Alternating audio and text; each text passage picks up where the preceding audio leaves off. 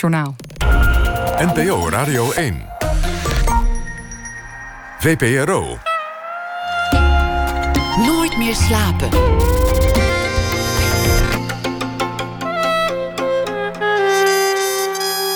Met Pieter van der Wielen.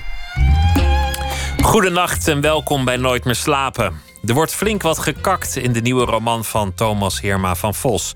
Condities heet het boek. Een jonge schrijver heeft een chronische darmaandoening. De uitgever haalt hem over er wat persoonlijkers over te schrijven. En dat wordt dan een boek over die darmziekte.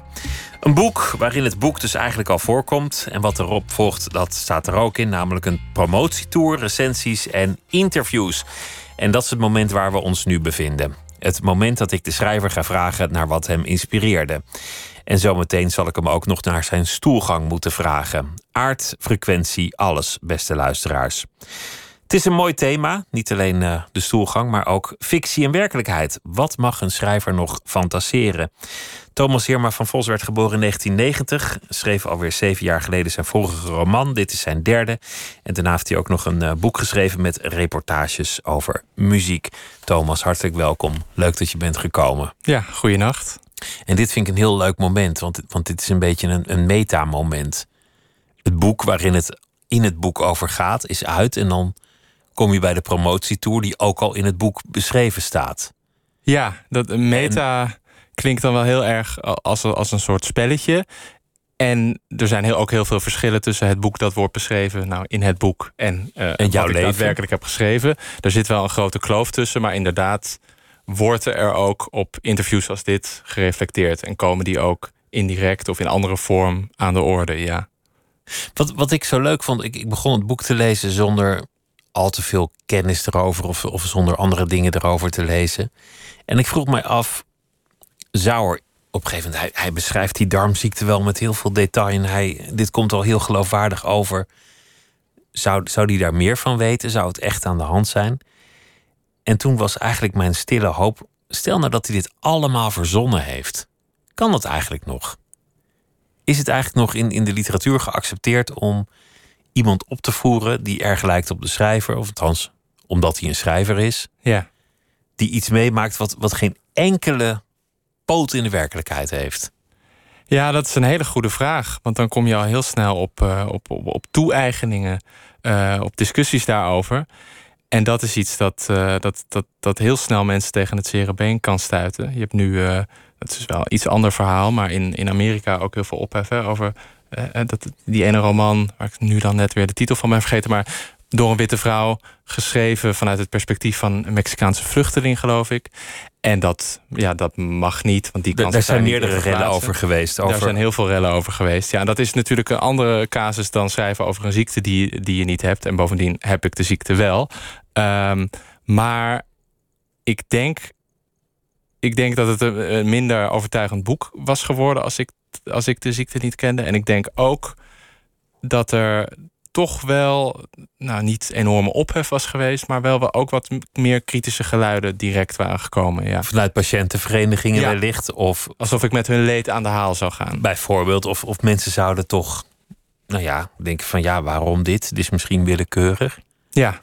Ik heb wel het idee dat, dat de fictie niet meer zonder meer geaccepteerd wordt dat, dat mensen het ook gewoon raar vinden als iemand een boek schrijft dat, dat niets met hem of haar zelf te maken heeft. Ja, er wordt altijd heel naarstig gezocht naar het haakje, het autobiografische element. En ik heb ook wel eens korte verhalen geschreven waarin dan alles was verzonnen. En dan dat, dat inderdaad lezers die, die trekken dat dan bijna niet. Die vragen, ja, maar is dat dan wel gebeurd? Of hoe kom je hier dan bij? En dat, dat, dat is heel vaak de benadering, ja. Tegelijk is het natuurlijk ook zo dat als je over iets schrijft dat je persoonlijk aangaat, dat het vaak ook een be beter boek zal worden op de een of andere manier. Omdat het goed werkt voor een schrijver om daar te komen waar het eigenlijk pijn doet. Ja. Waar je eigenlijk liever niet komt. Ja, dat was bij dit boek voor mij ook een belangrijke nou, afweging en uiteindelijk uh, argument om het te gaan doen. Ja. Om datgene waar je liever niet over praat, juist als onderwerp te nemen. Ja, want het gaat dus over nou, Vincent Peck. Dat is, eh, zoals je net al zei, een, een schrijver met een, met een darmkwaal. En die heeft in het. Die is helemaal niet zo erg aan toe, maar die heeft in het dagelijks leven wel steeds last van die ziekte. Al is het maar omdat hij daarover nadenkt. Omdat hij kijkt, waar zit de wc nu? Uh, wat moet ik eten? Uh, stel ik mijn lichaam nu niet te veel op de proef? Dat, dat, dat is er steeds. En dat was, dat was wel een wereld waarvan ik dacht... Uh, daar weet ik in ieder geval iets van. Die wil ik beschrijven. En ik dacht ook, dat is een wereld die ik vijf jaar geleden niet had durven beschrijven. Dus dat was, dat, dat, dat, daar zat iets wat al langer wrong. En waarvan ik uiteindelijk dacht, ja, ik zet de schaamte die ik voel, of de weerzin die ik voel om dit te gaan schrijven, zet ik opzij. En ik ga daar wel een heel verhaal omheen bedenken. Want alleen pijn, uh, of die nu rechtstreeks van mij komt of via een fictief personage, vind ik ook weer niet zo interessant. Maar ik, ik voelde wel al heel snel dat daar iets zat. Inderdaad, dat, inderdaad iets van, van ongemak en schuring. Uh, wat ik niet meer uit de weg wilde gaan. En dat, dat is misschien ook wel iets waar je naartoe moet groeien als schrijver. Dat je denkt, dit doet pijn, juist daar moet ik zijn. Ja. Omdat het, dat het zo'n tegenintuïtieve beweging is. Ja, dat, dat is iets wat ik. Uh, ik schrijf niet heel lang, maar ook, ook toch al wel nu elf jaar. Elf jaar geleden verscheen mijn debuut. Wat ik toen nog helemaal niet durfde. En ook denk ik niet kon, maar zeker niet durfde. Toen speelde dit specifieke onderwerp ook helemaal geen rol in mijn leven. Toen had je het allemaal nog niet? Nee, maar. Uh, uh, toen speelde er wel, dus eigenlijk. Toen speelden er wel allemaal andere dingen die ik ook een beetje vermeed. En toen, ik had het idee dat ik me iets meer verstopte in mijn verhalen en iets sneller hele andere personages opvoerde. Wat was het moment dat je dat losliet? Dat je dacht, ik ga wel schrijven over waar het pijn doet? Nou, dat is iets wat, wat geleidelijk gaat. En ik heb eerst een paar korte verhalen geschreven... waarin ik ook over mijn, mijn achtergrond en mijn, mijn ouders dingen verwerkte...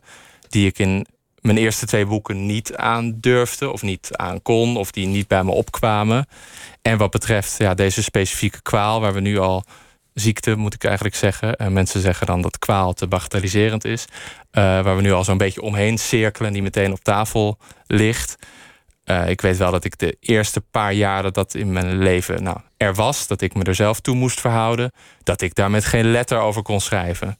En dat was, dat was ook omdat ik zelf moest wennen aan die toestand. En ook moest kijken, wat houdt er precies in? En, en hoe erg is het bij mij? Nou, dat bleek gelukkig allemaal best wel mee te vallen. Uh, en vervolgens heb ik wel een keer een kort verhaal daarover geschreven. Maar daar zat ik heel erg vast aan alleen maar buikpijn. Dat vond ik heel egaal.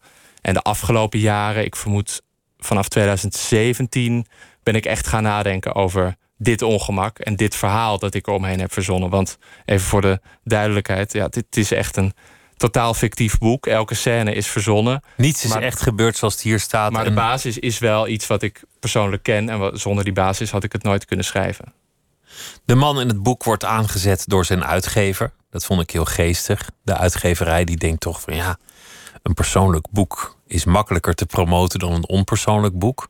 Ja, dat plus uh, wat jij net zei, daar zit meer in. Er, er zit meer in die pijn. Uh, de, de, zoek het op, gaat niet uit de weg. Het is niet alleen een commerciële afweging. Dat wordt wel eens gezegd, hè? Dat, dat boeken zonder persoonlijk verhaal erachter niet meer interessant zijn voor de talkshows en de kranten. Ja. Ik weet niet of dat helemaal waar is, maar. Nou, dat is wel een duidelijke tendens. Waar die, de uitgever in het boek, dat is een vrij uitgesproken personage. Uh, op het moment dat Peck bij hem een uh, selectie van zijn nieuwe verhalen. Peck is fictieschrijver, heeft twee boeken op zijn naam. Die levert een nieuwe selectie van verhalen in. En op dat moment, als de uitgever ze heeft gelezen, zegt hij: Ja, en dat ene verhaal waarin buikpijn naar voren komt. Daar voel ik iets van jouw echte pijn. Daar zit het echte ongemak. Breid dat nou uit. En dan zegt hij vervolgens ook in de ene adem: Echt gebeurd is wat mensen nu willen. Kijk naar de bestsellerlijst. En dat zegt hij op een nogal ronkende, uh, misschien wel eenduidige manier. Tegelijkertijd vind ik niks van wat hij zegt onzin. En dat is wel het jargon dat inderdaad in uitgeverskringen vaak wordt gesproken. Het is realistisch. Het is niet een aanklacht. Het is niet dat je probeert om iets te vertellen over de uitgeverij, maar dit is gewoon hoe het waarschijnlijk zou kunnen gaan. Ja, en hoe het vaak gaat, ja. Dan ben je nu bezig met die promotie. Zit je bij mij? kom je nog op televisie. Je hebt waarschijnlijk al wat, wat krantenjournalisten op de koffie gehad. Hoe zit je daar? Een enkeling. Ja, hoe, nou... hoe vind je dan? Want, want dat betekent dat je, dat je nu dat verhaal moet gaan vertellen. Of dat in ieder geval je, je, je iets moet vertellen over wat jou geïnspireerd heeft. Over, over jouw je stoelgang, je darmen. Ja, nou jij, eh, jij begon in je eerste zin bij de introductie al uh, daar meteen over. En ik merk dat anderen er al dan niet uit ongemak of beleefdheid veel langer omheen cirkelen. Sommigen begonnen er tot nu toe helemaal niet over, of tot nu toe in de gesprekken die we hadden. Een, een hele vriendelijke journalist van een uh, landelijke krant kwam langs en die, die stelde niet eens in een bijzin de vraag uh, of ik hier zelf wel eens uh, de last van had. En toen uh, ja, dacht ik ook bijna van, hé, hoe, hoe kan dat nou? Ik, ik was met het, het schrap aan het zetten. Het hele boek ene gaat vraag. erover en dan, en dan komt die vraag niet. Maar ik denk het, de, de het ongemak die... is dubbel. Het ongemak is aan de ene kant, we moeten het over, over darmen hebben.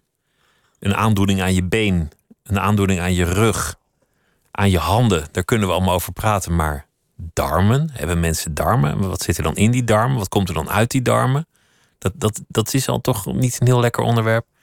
En natuurlijk omdat je in het boek hebt over dat het altijd persoonlijk moet zijn. Dus de journalist die denkt waarschijnlijk... laat mij nou niet de man zijn die de vraag stelt. Ja, niet in die valkuil trappen. Ja. Ik doe het gewoon lekker niet. Ja. Ze het gewoon lekker wel doen. Dat is goed.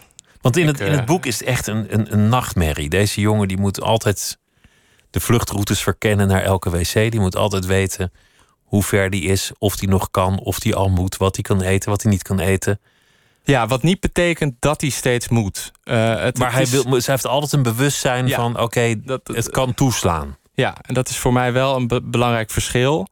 Uh, tussen het er altijd aan denken en het er altijd fysiek mee bezig zijn. Want dat laatste, dat, dat is in een paar delen van het boek wel zo. Dat zijn darmen nou, heel actief zijn en dat zijn lichaam echt dicteert. Maar wat ik vooral heb willen laten zien in dit personage... dat ook grote delen eigenlijk nog een vrij nou ja, normaal, rustig, regulier... een beetje teruggetrokken leven leidt... is hoe zo'n ziekte ook het hele zelfbeeld van iemand doet kantelen. En hoe hij er permanent ook mee bezig is... ook als er niet direct aanleiding toe is, zelfs vanuit zijn lichaam niet. En, en dat is inderdaad uh, dat uitzicht doordat hij steeds uh, ja, erop let. Is er een wc in de buurt? Uh, heb ik mijn medicijn vandaag wel gehad? Um, ja, wat heb ik gegeten? Kan ik dit eten wel aan? Dat is, dat is heel erg in zijn hoofd speelt dat een grote rol. En dat, dat heeft er ook mee te maken dat hij een wat controlerend... nou, niet neurotisch, maar wel erg reflecterend, controlerend karakter heeft. Wat, wat wat alles, elke gedachteflart over die ziekte heel erg versterkt. En misschien is dat karakter ook wel weer versterkt door die ziekte, et cetera. Ja. Je, je wordt uiteindelijk voor een deel je aandoening. Ja, zeker in zijn geval, ja. Ja, en ook steeds meer naarmate die er natuurlijk over gaat schrijven, want dat gebeurt in het boek. En aan het begin van het boek is zijn status, hij is al een paar jaar patiënt, uh, heeft daar wel last van, maar niet eens heel hevig. Maar zit ook al een beetje te sukkelen met zijn schrijven, met zijn, met zijn relatie. Het wil allemaal niet zo vlotten. Het is niet helemaal duidelijk of dat nou een direct gevolg is van die ziekte. Of dat hij gewoon sukkelt en daarnaast ook nog een ziekte heeft. Maar hij gaat dan schrijven en hij raakt daar ook echt bevlogen over. De uitgever geeft hem het eerste zetje daartoe. Maar hij is ook echt ervan overtuigd dit boek over mijn ziekte en over mijn, mijn, darmtoestand, zoals hij het ergens noemt, dat wordt het beste wat ik ooit heb geschreven. Misschien is het dat ook wel. Het is ook een slimme, talentvolle jongen. Maar naarmate hij er meer over schrijft, ja, schrijft hij het ook meer naar zich toe en speelt het een nog grotere rol in zijn leven. En door dat vele schrijven en door de stress die er rondom zo'n boekverschijning uh, in zijn leven komt, stelt hij zijn lichaam ook weer meer op de proef. Dus dat, dat versterkt elkaar uh, en het lichaam wordt ja, steeds dominanter en het lichaam bepaalt uiteindelijk. Het is natuurlijk voor een deel ook waar dat je lichaam al zoveel bepaalt. Hij komt in, in relatiecrisis. En hoe fundamenteel die momenten dan ook zijn, dat hij, dat hij het goede moet zeggen of, of even mhm. aandacht moet hebben voor zijn, voor zijn geliefde. Die darmen nemen het op zulke momenten juist over. Een soort verband met stress, vermoed ik ook. En op zo'n moment kan die niet die aandacht geven, want hij wordt gewoon geregeerd door zijn buikloop. Ja, dat is zeker in het tweede deel van het boek. Als, als zijn boek er is, is dat uh, een terugkerend thema, ja. En dat, is, uh, dat, dat vond ik ook wel belangrijk, omdat ik niet een, een, alleen maar een zielepoot of zielepiet wilde beschrijven.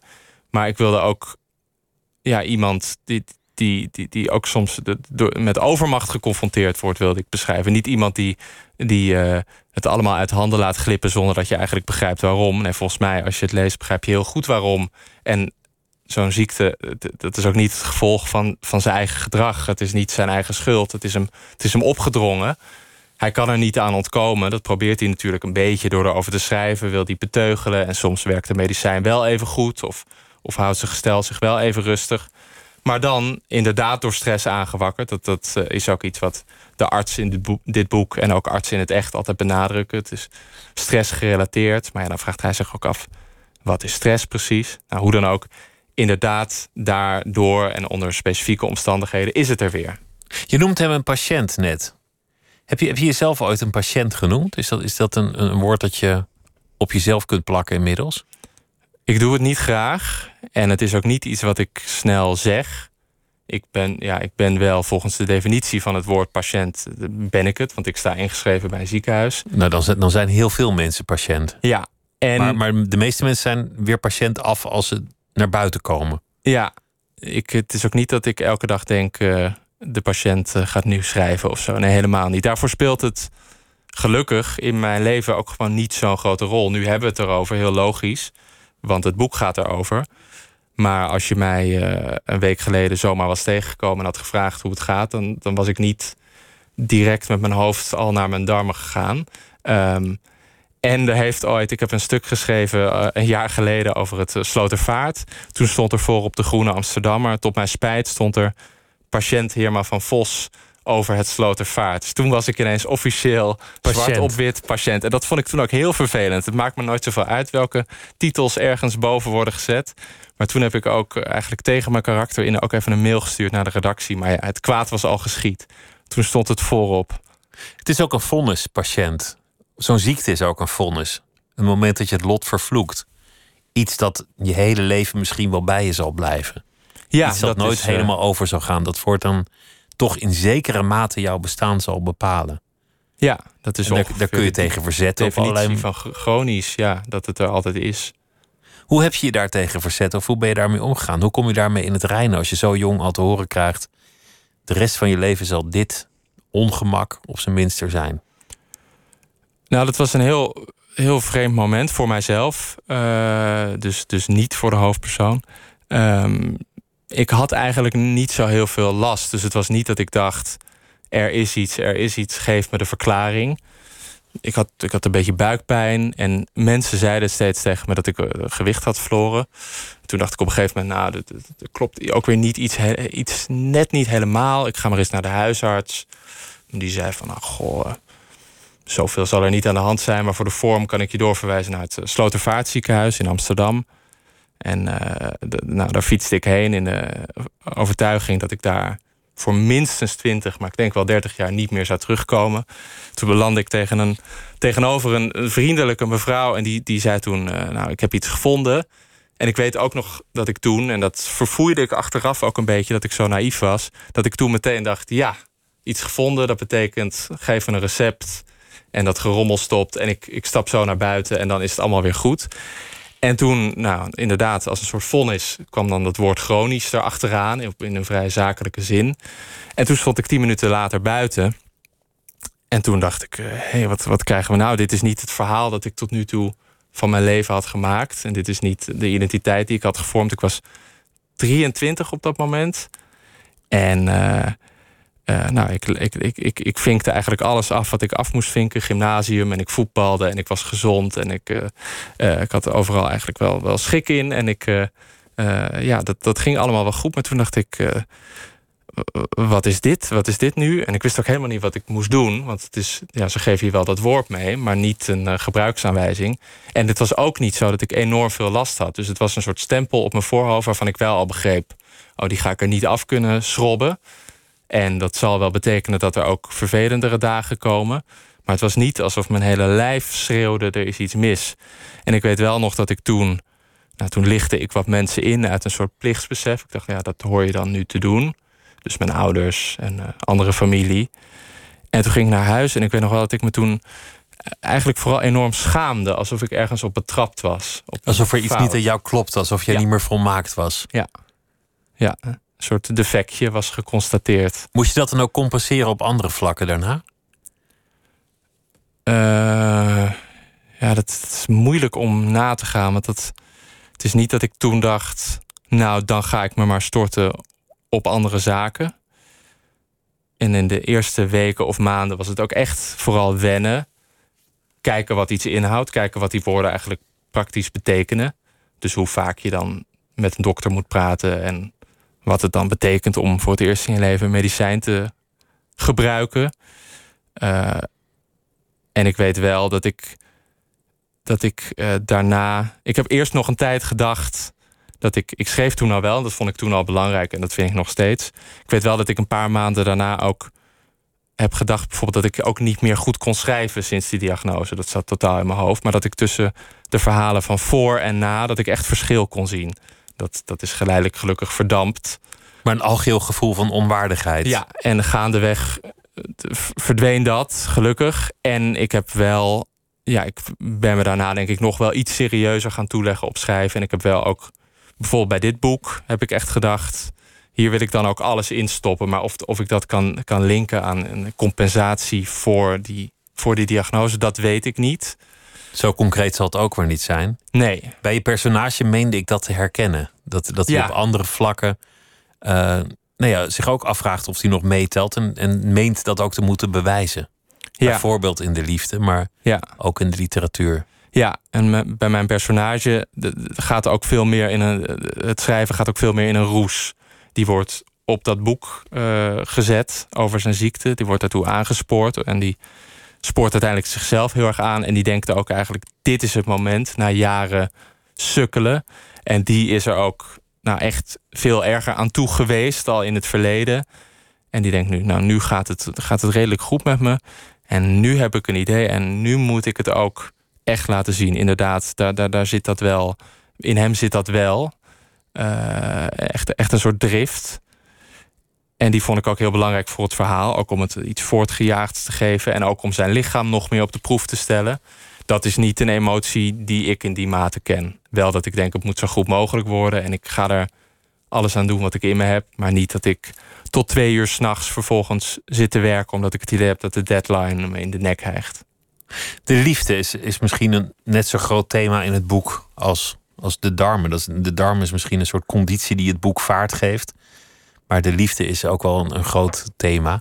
Wat ik heel geestig vond. Ik vond een aantal dingen heel geestig. Een van die dingen, het boek komt al voor in het boek. En dan zegt iedereen: Ik vond je boek zo goed, vooral het einde. En ik was het nog aan het lezen. Dus ik dacht: Oh, nu ben ik wel heel nieuwsgierig naar het einde. dat, Mhm. dat, dat was een geestig effect. En de boeken van Jan Geurts komen erin voor. Ja, Geurts met een Z. ja, En Jan Geurts met een Z, dat is, dat is een, een, een fenomeen in sommige kringen. Hij schrijft eh, zelfhulpboeken over de liefde. Waarin hij, waarin hij eh, nou ja, soms hele verstandige dingen zegt over het, eh, over het thema. De vriendin van jouw personage die leest die boeken. En het personage begint geleidelijk aan af te lezen hoe het gaat met de relatie aan de stapel Geurts boeken. ja, die groeit. het bed. Die groeit en groeit. En hij krijgt daar weer stress van en dat werkt weer op zijn darmen. Ja, En op een zeker ogenblik is die stapel zo hoog dat hij ook wel voelt aankomen dat de relatie misschien eindig zal zijn. ja. Dat vond ik ontzettend grappig. Nou, dank, dankjewel. De, Jan Geurts is relatief laat in het boek verschenen. De darm was er al snel. Het boek dat hij schrijft was er al snel. Zijn relatie was er al snel.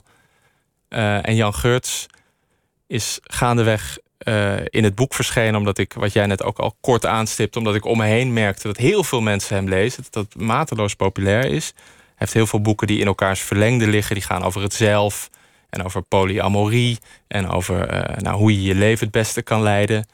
Eh, en de vriendin van mijn hoofdpersoon, Peck... die is ehm, gezond. Die is ambitieus, die doet heel veel... En die leeft in ieder geval op een andere frequentie dan hij zelf. En dat hebben ze allebei wel door, maar ze zijn ook allebei heel afgeleid. Hij met zijn boek, zij met haar proefschrift. Ze, ze hebben ook een, ja, toch een soort modus waarin ze langs elkaar heen leven. Maar dat langs elkaar heen leven, dat vond ik toch. eh, dat, dat was nog net iets te schematisch. En toen verscheen Jan Geurts op mijn netvlies. En toen wist ik wel meteen. Dat moet zij lezen, want dat past heel erg bij haar. Het iets wat zoekende gecombineerd met nou, het wel slimme. En het, ja, het zoeken naar een nieuwe identiteit speelt ook een grote rol bij wat ik van Geurts heb gelezen. Ik ben niet ineens een kenner, maar ik heb wel een paar boeken gelezen. En ook zijn onbegrip uh, past heel goed bij die relatie, maar dat past ook heel goed bij zijn soms iets wat verheven blik op wat literatuur moet zijn. En wat voor soort boeken hij haat. Hij haat ook echt bepaalde slagboeken. Uh, dus ja, die verschenen toen op dat nachtkastje. En toen ik dat voor de eerste keer had beschreven, toen wist ik wel, daar horen ze te liggen. Een mooi verborgen teken van de vriendin is aan het verkennen of, of heeft vragen of onvrede. En Jan Geurts die, die schrijft vaak over dat baby's vol, volmaakt afhankelijk zijn van, van de liefde van de ouders om te overleven. Ja. En dat we in volwassen leven niet uit die babyconditie komen en daarom als een afhankelijk wezen naar liefde blijven smachten. En wat Jan Geurts eigenlijk predikt is dat we daarvan af moeten. We moeten die wanhoop loslaten. En als er nou één fictief personage is in de Nederlandse literatuur die dat niet kan, dan is het jouw personage. Hij is precies wat Jan Geurts omschrijft, namelijk iemand die permanent bang is verlaten te worden en daar niet goed tegen kan. Ik had er niet zo naar gekeken, maar ik vind het een prachtige lezing. En dat klopt inderdaad wel, ja. Omdat hij, uh, deze, deze Peck, omdat hij verlaten wordt uh, in het verleden. Dat wordt beschreven door een eerdere vriendin. En door zijn lichaam in zekere zin ook, want daar kan hij ineens niet van op aan. En hij is heel bang om nog meer te verliezen. En hij, hij, hij is ook vrij volgzaam, omdat het leven steeds net iets anders voor hem nou ja, in petto heeft dan hij ziet aankomen. En in dat opzicht is die diagnose voor hem ook een hele, hele belangrijke markering. Uh, dat ziet hij helemaal niet aankomen. En vanaf dat moment ziet hij zichzelf, nou, hij ziet zichzelf wel heel erg als patiënt, patiënt Peck. Uh, zo omschrijft hij zichzelf ook een enkele keer. En inderdaad, daarna is hij nog veel banger dat zijn lichaam verder vervalt. Maar ook dat zijn nieuwe relatie strandt. En ook dat zijn, zijn, zijn klein beetje opgebouwde literaire aanzien, aanzien nog verder afbrokkelt. En dat wil hij allemaal proberen bij zich te houden. Alles lijkt weg te lopen. Aan het, toen, toen je al ver gevorderd was met het boek, of het al bijna af was, is, is jouw eigen relatie ook gestrand in het, in het werkelijke leven? Ja, maar ik vraag me af hoe je dat weet, want dat... Uh... Dat is geen publieke informatie. Nee. Ik, ik, vond, ik vond dat interessant, en, en daarom ben ik ook zo brutaal ernaar te vragen. Om, omdat je daarmee door de fictie eigenlijk kan worden ingehaald. Je, je schrijft over een thema en, en de werkelijkheid, je haalt jouw fictie in. Ja, nou, het, het, het, het gevaar is nu dat, dat mijn leven wel heel erg uh, parallel lijkt te lopen met dat van mijn hoofdpersonage. En dat, dat, dat is geen dat, waar. Dat is niet zo. En dat, dat vind ik ook soms wat flauw als ik schrijvers dat hoor zeggen. Want soms denk ik, nou, dat is volgens mij wel zo. Maar in dit, dit geval is dat niet zo. Geen één gebeurtenis in dit boek is, is in werkelijkheid zo gegaan. Nee, Helemaal volgens mij niet. Nee, natuurlijk, geen feestje, geen borrel, geen receptie, geen interview. Nee, geen, natuurlijk wel. In, in, bij de ziekenhuisscènes dan dingen geleend en bij zo'n uitgever dingen ingekleurd. Maar dat is, dat is onvermijdelijk. Um, en het einde van de relatie van deze Vincent Peck. Uh, want die relatie, ook die nieuwe relatie met zijn Jan Geurts lezende vriendin, die is inderdaad eindig. En die eindigt ook nou, niet helemaal op het einde van de roman, maar wel in een vergevorderd stadium. Uh, die had ik al helemaal beschreven en die was al helemaal af met een, met een streep eronder. Toen inderdaad uh, mijn eigen relatie met, uh, met iemand die in niks lijkt op de vriendin van Peck of in bijna niks, toen die ook uh, ten einde liep. Ja. Als je relatie eindigt, dan gaan er natuurlijk heel veel dingen door je hoofd. En misschien zijn die niet allemaal literair per definitie. Maar da waar dacht je op een zeker ogenblik: hoe, hoe kan dit? Hoe kan het dat ik met een thema bezig ben in mijn literatuur en het even later echt wordt?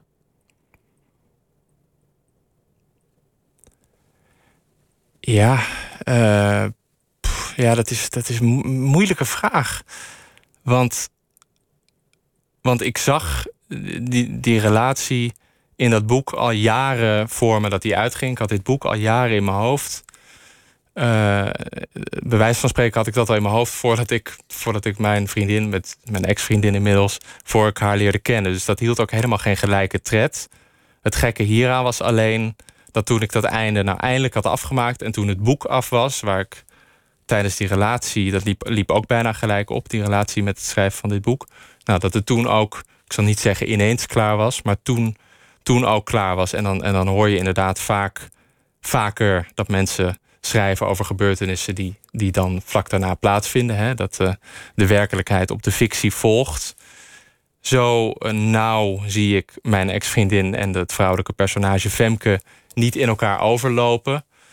Het, het, het, het, heeft, wel wat, het heeft wel wat geks. Ook omdat de uh, ontwikkelingen, namelijk van de vriendin van de hoofdpersoon, die vertrekt gewoon op een dag. Die heeft er spullen gepakt en die gaat. Uh, dat vertoonde wel enige gelijkenissen met hoe het bij mijzelf eraan toe ging. En toen had ik ook wel even het idee. Goh, misschien heb ik de afgelopen maanden. Niet dat het daaraan lag, helemaal niet. Maar ik had toch het idee. Misschien heb ik de afgelopen maanden net iets te veel naar mijn computerscherm gekeken. Hoe die relatie verbrokkelde.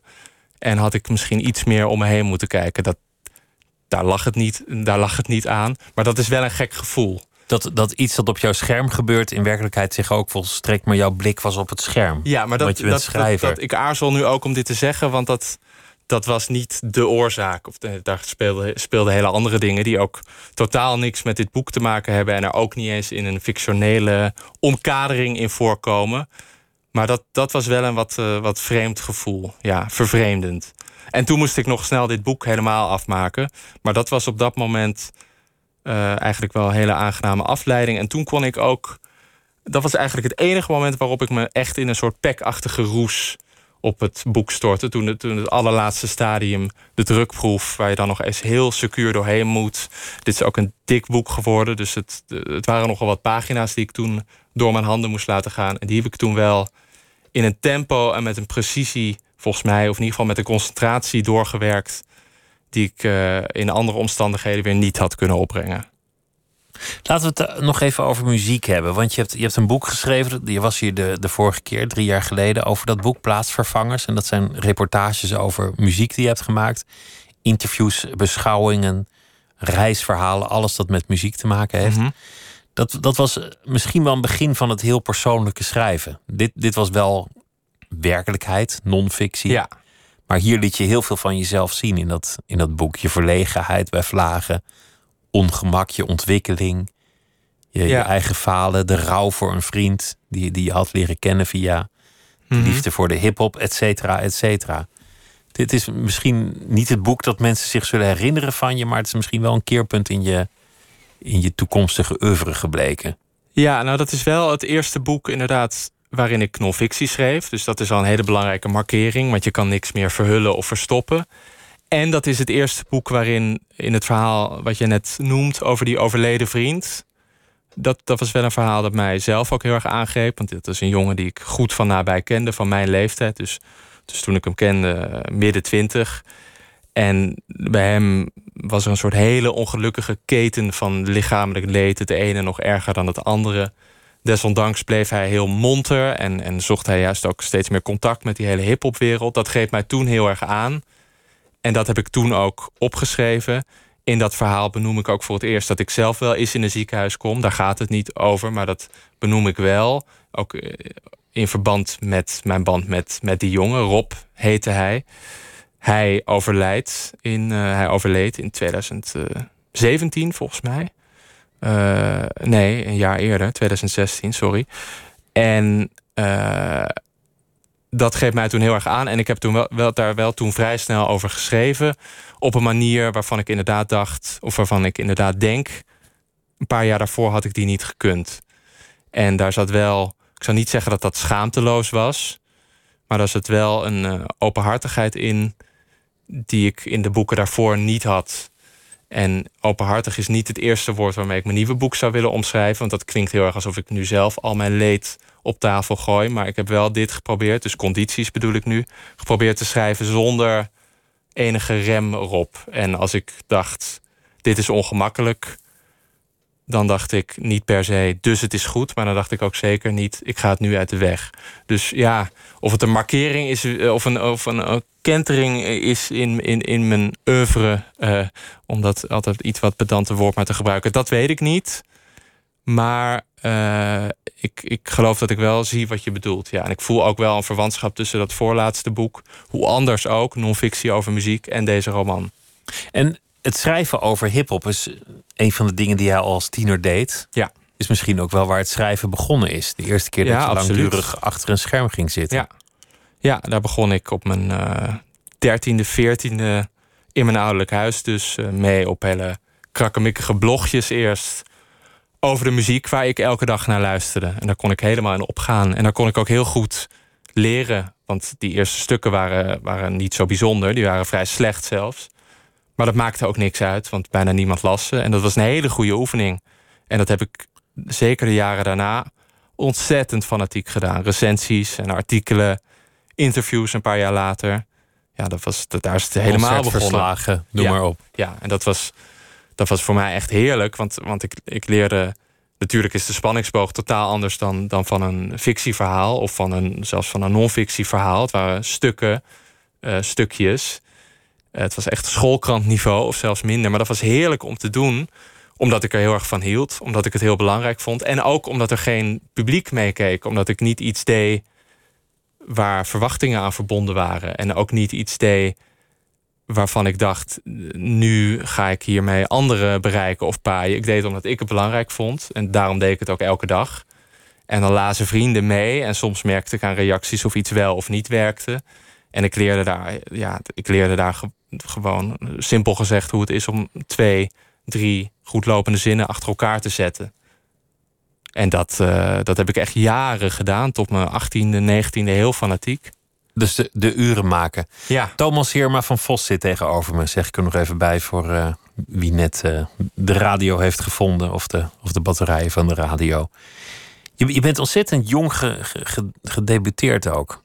Ja, Begin twintig was je en toen, toen ik was 19 zelfs. 19? Ja. Ja. Dat maakt verder niet zoveel uit of het 20 of 19 of 21 is. Maar dat is heel jong. Ja, Dat is heel bijzonder. ja dat realiseer ik me wel nu ook nog iets meer dan toen. En ik, eigenlijk kan ik dat debuut, eh, dat verscheen dus in 2009... kan ik in één adem noemen met dat schrijven over hiphop.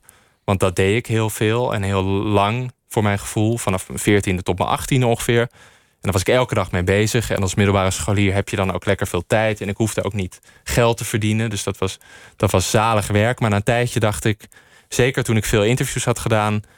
ik heb nu wel genoeg van al die verhalen van anderen. Ik zit nu al wel heel erg vast aan de, de, vaste riedeltjes van de artiesten. Of ik ken de thema's van Eminem en Dr. Dre wel. Ik wil zelf eens iets bedenken. Dat heb ik toen gedaan. En ik, ik had toen ook nog steeds veel tijd. Al was ik klaar met de middelbare school. Ik wist niet precies wat ik wilde doen. En dat, dat heb ik toen in drie, vier maanden heb ik mijn eerste fictieverhaal geschreven. En wonder boven wonder werd dat meteen eh, geschikt geacht voor publicatie. En toen was dat mijn debuut.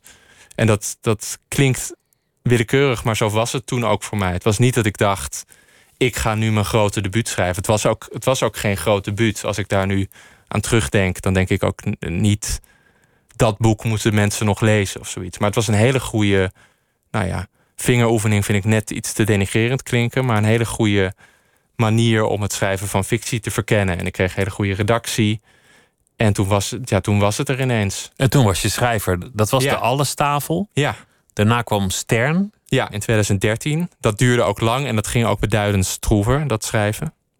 Dat was wel een sprong. Maar, maar op dat moment ben je al iemand die gerecenseerd wordt in landelijke kranten.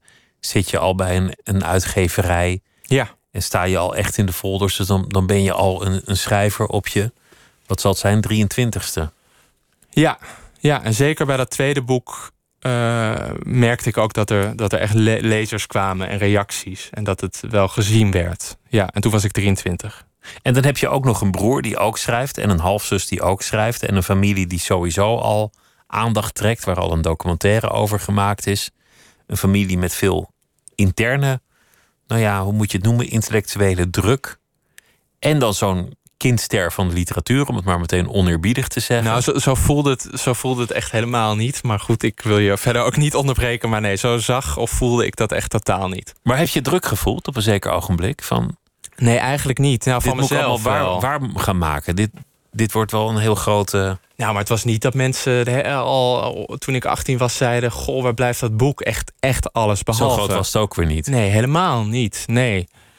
Nee, en eh, veel van wat eh, mijn ouders schrijven inderdaad allebei of schreven. Mijn vader schrijft niet meer echt. Eh, veel wat, van wat zij schreven verscheen ook na mijn debuut. En mijn broer debuteerde een jaar later. En dat is natuurlijk wel allemaal verwant en in dezelfde tijd een beetje En vanuit hetzelfde gezin. En mijn halfzus die schreef al jaren voor de krant. En heeft daarna ook enkele boeken geschreven. Dus dat is allemaal wel ja, in hetzelfde vaarwater. Maar dat was niet een groot gespreksonderwerp. En dat was echt niet iets waarvan ik voelde... dat moet ik doen om erbij te horen of iets dergelijks. Nee, eerder nog dat ik soms denk... ja, ik vind het ook een beetje, ja, een beetje irritant dat iedereen schrijft. Omdat het, dat het ook altijd een thema zal Ja. zijn. Als het niet Ja. over je darmen gaat, dan gaat het alweer over je gezin. Ja, nou dat tweede tot nu toe gelukkig vaker. Ehm, maar ja, nee, ik, ik, ik, ik, ik vind dat ook... Ik snap wel dat mensen ernaar vragen. En ik snap ook wel dat het opvallend is, want het gebeurt niet zo vaak. Maar ik heb niet het idee dat het voor hoe ik schrijf of wat ik schrijf... of dat ik schrijf echt van eh, doorslaggevend belang is geweest. Je ontwikkeling is heel autonoom. Je, je vindt zelf uit waar het over moet gaan, waar je ontwikkeling zit. Je stagneert op eigen houtje. Je vindt weer de weg op eigen houtje. Dat staat eigenlijk heel erg los van Ja, dat soort omgevingsfactoren. ja en je Heel vroeg, autonoom. je vroeg in dit verband of ik druk voelde. En die voel ik wel, maar dat is omdat ik hem mezelf opleg. Dus eigenlijk nog net zoals in die hip-hop jaren, dat je gewoon voor je eigen fictieve publiek stukken aan het typen bent. Ja, ja Die behalve... autonomie is ergens nog mentaal aanwezig. Ja, behalve dat ik er nu eh, natuurlijk van leef. Dus ook van moet leven. Dus ook me meer moet verhouden tot eh, deadlines en honoraria en al dat soort serieuze fratsen. Maar de houding is verder hetzelfde, ja. Dat, dat zit in je boek ook heel leuk. Hoe het tegenwoordig is voor een schrijver om, om rond te komen. En, en jouw personage, die Peck, die, moet- die moet op allerlei manieren bijverdienen. Ja, Teksten voor een, een wijnimportbureau of voor, voor, voor andere reclameuitingen. Een artikeltje hier of een lezingje daar. ja, En zo, zo moet je dan eigenlijk de huur betalen. ja, ja. En dat, eh, dat, dat is bij hem eh, is dat eigenlijk zijn voornaamste inkomstenbron. Want hij heeft wel twee boeken al geschreven, maar die hebben niet heel veel gedaan, zoals dat heet. En die zijn al lang, van lang geleden. Dus hij schrijft heel veel copyright eh, werk.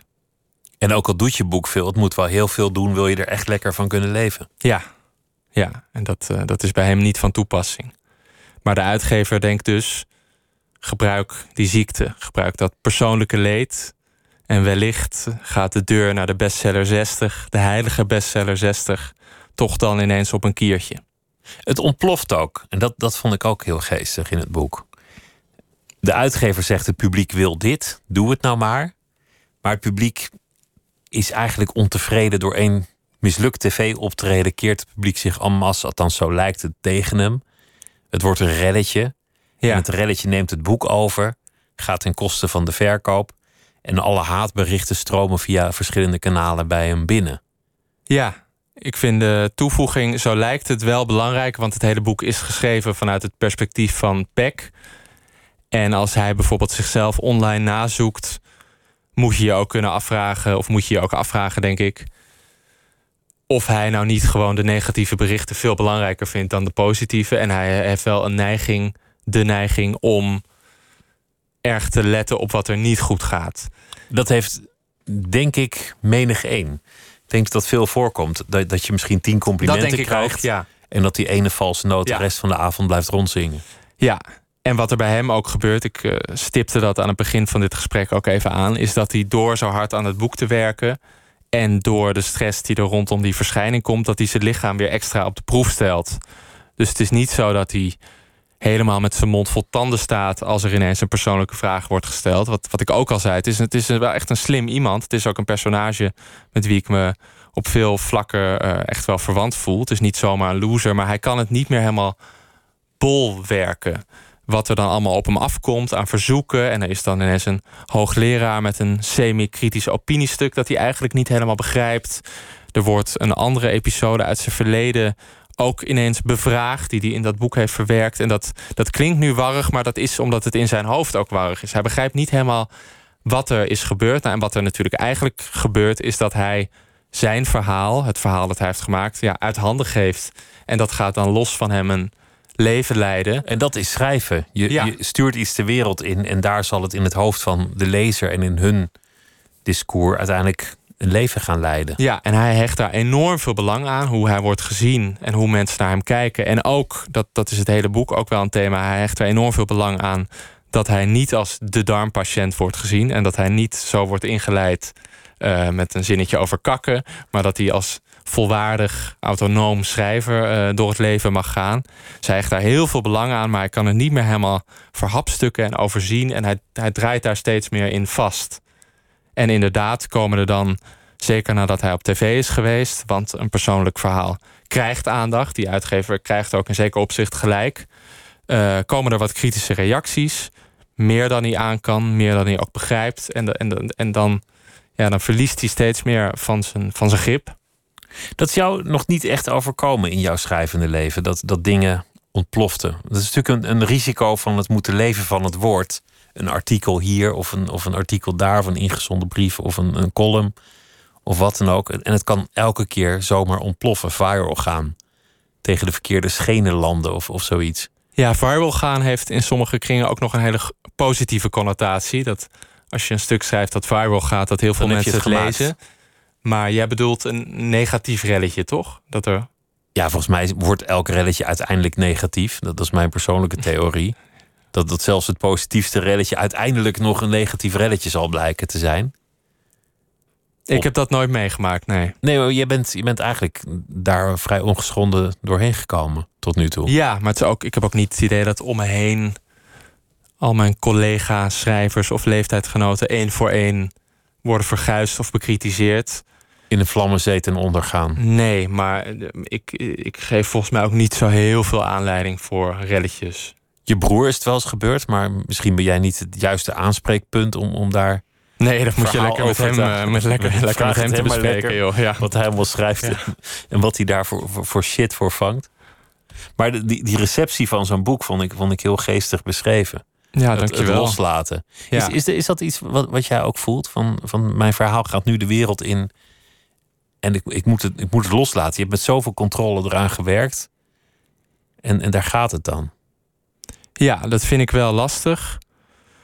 Uh, niet eens zozeer dat, dat het nu uit handen is. En, en, en het feit dat het door anderen wordt gelezen, vind ik ook heel leuk. Want nu, nu, nu mag het gelezen worden. En nu is het eindelijk zover na jaren eraan werken.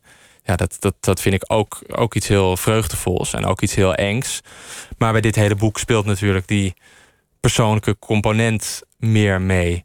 Uh, en voordat ik er nou, het begon met mij, eh, eh, dit, dit, boek begon voor mij met een kort verhaal. En voordat ik er een echt boek van in mijn hoofd aan het maken was. En echt dacht, nou, hier moet het over gaan. Dit zijn de kernthema's. De hoofdpersoon wordt iemand met de ziekte van Crohn. Voordat ik dat echt besloot en echt wist, dit wil ik gaan doen. Toen dacht ik wel een paar dagen na, wil ik dat? Dat dat, dan, dat, dat dan straks kan worden bevraagd in een interview als dit. Wil ik dan dat dat straks op straat ligt? Uh, hou ik rekening met de mogelijkheid dat als mensen mijn naam intypen op Google, dat dan mijn ziekte er als suggestie achter verschijnt. Ja, ik noem maar wat. Dat kan dan ineens. Dat zijn wel aspecten die ik hieraan extra eng vind. En dan denk ik wel steeds, nou, het gaat om het boek. En dat is volgens mij fictioneel genoeg om op te kunnen vertrouwen. En dat, dat is, het is ook helemaal niet een direct ziekteverslag. Al, uh, ja, alles behalve volgens mij. Het is ook echt, echt een roman. Dus dat, dat zijn dan wel dingen waarmee ik mezelf nou, een beetje geruststel of uh, bewapen. Maar toch, ik geef iets uit handen en dan weet je niet wat ermee gebeurt. Want het kan ook dat er helemaal niks gebeurt. En dat zijn allemaal wel beangstigend, vind ik te sterk. Maar uh, het zijn ook niet kalmerende gedachten. Toch is het mooie dat als iemand heel persoonlijk schrijft of zich heel persoonlijk laat inspireren, dat het dan uiteindelijk vaak ineens heel universeel wordt. En, en dit boek gaat niet voor mij over de ziekte van Crohn, hoewel het evident het thema is. Het gaat over het hebben van een lichamelijke klacht die mhm. niet weggaat. Want, want uiteindelijk zal het voor mensen met chronische hoofdpijn of chronische vermoeidheid of een chronische snotneus of chronische wat dan ook hetzelfde zijn. Dat, dat je hele leven, je emotionele, professionele, persoonlijke leven wordt overgenomen door je lichaam. Ja. Je lichaam regeert. Ja. Of kan op elk moment weer gaan kan regeren. Op elk moment toeslaan. En dat, dat grijpt dan weer in je zelfbeeld, in je beeld van, van relaties. Ja. Daar, daarvoor hoeft het niet echt per se kroon te zijn. En volgens nee, mij zeker gaat, niet. gaat dit boek daarmee over heel veel mensen. En misschien ook iets wat iedereen bij vlaag heeft. Want, want denk je maar eens in als je verkouden bent, hoe, hoe slecht je je dan kan concentreren op andere taken. Ja. Behalve snotteren. Ja, nee, dat is, ook, dat is ook mijn hoop. En ook wel mijn gedachte dat dat de ziekte van Crohn is wat deze hoofdpersoon heeft. Maar dat betekent niet dat het uitsluitend daarover gaat. Het gaat veel meer over de mechanismes van wat een, een ziekte. Een, een, eigenlijk een, een, een haperend lichaam. Dat hoeft dan niet eens direct verbonden te zijn met een diagnose. Maar het gaat erom wat dat met een zelfbeeld en met een zelf kan doen. En hoe dat iemands gedrag en handelen kan sturen. En hoe dat er altijd is. En hoe dat altijd weer naar tussendoor kan piepen. En hoe dat uiteindelijk ook heel erg verandert. Niet alleen hoe je naar jezelf kijkt, maar ook hoe je naar de buitenwereld kan kijken. En dat is ook iets wat deze pack heel erg heeft. Dat, dat hij het eigenlijk, als hij zich slecht voelt, wat op een paar momenten in dit boek echt zo is, dat hij het eigenlijk ook niet aan kan als om hem heen al die gezonde mensen zich hebben verzameld. En een, een, eh, een van de redenen ook waarom hij in het tweede gedeelte, als zijn boek is verschenen, waar we het net ook over hadden, de, relletje en uh, reacties online. Maar eigenlijk begint zijn nou, verwarde toestand in, in, de, in dat gedeelte, dus na verschijning, begint er al mee dat op zijn boekpresentatie iedereen uit zijn leven komt. Iedereen die hij daar wil hebben, verzamelt zich. En dan kijkt hij om zich heen nadat er leuke speeches zijn geweest en alles gaat volgens plan. Kijkt hij om zich heen en dan ziet hij gewoon allemaal, nou ja, opdringerig gezonde mensen nippend aan hun wijntjes, lekker eten van een borrelnootje. En hij kan dat eigenlijk helemaal niet verkoppen. Want, want daarachter, dat, dat, schrijf ik niet uit natuurlijk, maar daarachter zit natuurlijk de gedachte: ja, waarom kan ik daar niet aan meedoen? Waarom wordt mij dat niet gegund? Waarom gunt mijn gestel me dat niet? En dat is dan toch dat, dat vonnis waar het, eh, waar het over gaat. Ja. Het gaat ook over, over het beroep dat jij hebt gekozen om te gaan schrijven. Dat is eigenlijk een raar beroep. Dat je hebt besloten om van je woord, van van je beschouwingen, van je eigen leven, je verdienmodel te maken, maar ook om dat de wereld in te sturen. Om Ja. een pu- publieke zaak te maken van je meest intieme bespiegelingen of, of je gedachten of de fase waarin je verkeert op dat moment in je leven. Ja, dat is heel raar, ja. En dat kan druk opleveren. Het kan dan misschien ook fantastisch zijn bij vlagen. Ja, Beangstigend. Het is een ontzettend raar beroep. ja. en er zit natuurlijk ook iets van ijdelheid of hoogmoed moet er wel bij zijn. Want ja, niemand heeft me hierom gevraagd. Net zoals om alle andere boeken wordt niet van tevoren gevraagd. Sibelle Diet, waar blijf je nou die toch? duw je de wereld in. En dat ja, een boek is toch ook altijd een schreeuw. Hier ben ik, of zoiets. En dat is, dat is voor mij niet de reden, maar dat is het wel. En ja, het boek is er, zie mij en eh, kijk naar mij. Ja, dat, dat elk boek heeft in zekere zin die, die schreeuw in zich. En dat, dat heeft iets heel vreemds om te doen. En het is ook meer op een dag-tot-dag basis ook een heel vreemd beroep. Ja, want ja, je gaat dan zitten en eh, de, je, je moet je woorden, nou ja, eigenlijk ja, ja, bijna opdringen aan de buitenwereld. En soms is er wel iemand die dat wil. Maar je bent alleen met, met, met wat je bedenkt. Of met wat je beschouwt. En er is ook niemand op een kantoor die op, op me zit te wachten. Dat, dat heeft iets heel geks. En het is ook heel erg op jezelf gericht. En dat jarenlang. En dan een worsteling en dingen weggooien en, en doorgaan. Het gaat ook over vaderschap. Dat is een verhaallijn die we, die we niet helemaal gaan uitdiepen, omdat, omdat ik dat zonde vind voor mensen die het gaan lezen. Maar hij heeft zelf een worsteling met moet hij zich voortplanten of niet. Ja, Dat is, dat is nogal een grote vraag in het, Ja. in het boek. Heeft ook wel te maken met de aandoening in zekere zin. Ben ik het waard om, om mijn genen aan een nieuwe generatie te geven? Maar ook over de eigen ouders. Want, want uiteindelijk, als mensen troost zoeken in het boek, dan, dan zijn het toch de ouders die, die troost komen verschaffen. ja. Uiteindelijk. Ja. ja, en zijn band met zijn ouders is nou, in ieder geval niet eenvoudig, want die maakt hij niet eenvoudig. Het, het- wat ik belangrijk vond is dat er in de verleden tijd ook een paar hoofdstukken zijn. Eigenlijk het begin van zijn verleden tijd, het begin van zijn verhaal in zekere zin. Dat Peck gezond en wel uit huis gaat, op kamers gaat wonen en weg wil, heel graag weg wil van zijn ouders. Hij wil het op eigen benen, op eigen kracht doen. Ik vond het heel belangrijk dat je ook ziet hoe die er gezond aan toe is. Want dan kan je de impact van een ziekte ook beter peilen. En hij wil zich dan afzonderen en een eigen leven opbouwen. En dat lukt ook gedeeltelijk, bijvoorbeeld met dat schrijven. Maar toch, op momenten dat hij zich zwakker voelt, op momenten rondom zijn ziekte, dan doet hij soms een beroep op zijn ouders. Dan zijn zijn ouders er altijd. Zijn moeder, nou, die dringt heel soms medische adviezen een beetje aan hem op. En als hij zich echt zwak voelt, dat is in het tweede gedeelte van, van de roman gebeurt dat.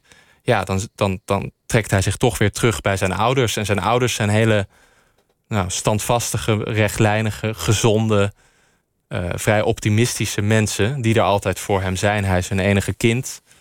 En dat is uiteindelijk ook de, de toevluchtsoord. Ja, je kan, je kan zeggen waar die, waar, die, waar die redding zoekt, maar je kan ook zeggen waar die noodgedwongen weer terugkeert na jarenlang daar weg te zijn geweest. Heb jij dat ooit ervaren? Dat, dat je merkte dat je in uren van nood toch weer op, op ouders teruggreep? Op jouw ouders? Ja, Ehm, niet een hele heftige, hele emotionele of hele noodbehoevende momenten. Maar wel dat als er iets, eh, zich iets groots voordoet, dan denk ik altijd als eerste aan mijn ouders. Die moet ik inlichten. Of mijn vader eh, heeft de neiging, of de neiging, die haalt me heel vaak op van plekken. Die rijdt graag, ik kan niet rijden. Uh, de, ik eet elke zondag bij mijn ouders. Dat, dat is wel een soort basis die er al mijn hele leven is. Die me heel dierbaar is. En, en die ik, uh, waar ik ook graag een beroep op doe. Als, nou, niet als dat me uitkomt, maar als ik dat nodig heb. Dan, dan ben ik niet eerst mijn vrienden, dan ben ik eerst mijn ouders. Altijd. Ik denk veel mensen toch wel. Dat denk ik ook, ja. Maar ook veel mensen hebben toch gescheiden ouders. Of, of niet het geluk dat hun beide ouders nog leven. En het is niet zo dat ik uh, alles met ze bespreek, maar wel uh, ja, in de meer precaire emotionele situaties, dan denk ik het eerste toch wel aan hen. Je beschreef het ook, zo'n tochtje met je vader in een, in een column een paar jaar geleden. Dat, dat dan je vader een hele tas met boterhammen meenam en zei: Pas bij Utrecht mogen we aan de broodjes beginnen. En zodra het dan Utrecht was, dan at hij in één keer alle broodjes op. Ja, dat heb je heel goed onthouden. Dat heb ik ooit voorgelezen in dit, uh, dit programma. Als, uh, toen er nog columns in de tweede uur uh, zaten. Of toen de tweede uur er nog was met een column. Dat, dat, dat heb ik ook onthouden. Ja, dat vond ik namelijk prachtig. Hij had allemaal boterhamzakjes bij zich. En had inderdaad als magische grens Utrecht. En ik had helemaal niet door dat we daar al waren. Maar precies op dat moment gisteren die zitten tevoorschijn. En begon hij heel tevreden te eten. Sindsdien, als ik in een auto zit en iemand heeft proviant bij zich, dan moet ik altijd aan die column denken. Nou, dat is. Uh, dat is toch wel de impact die je hoopt als je een column schrijft. Dat het jaren later nog in iemands nog door hoofd, iemands hoofd spookt. Ja. Thomas, dankjewel dat je langs wilde komen. En het uh, boek heet Condities. Thomas Heerma van Vos, dank je. Het was een genoeg om met je te praten. En uh, ik wens je heel veel succes met alle interviews en blogs en lezingen en uh, alles dat verder gaat uh, gebeuren de komende tijd. Dankjewel. Ja, dankjewel. En zometeen op deze zender kunt u luisteren naar uh, Miss Podcast met Misha Blok. Heel veel plezier daarbij. En Nooit meer slapen is er morgen weer. Goeienacht.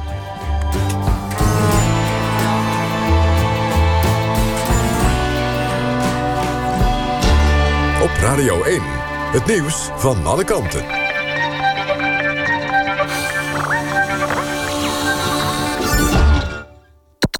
NPO Radio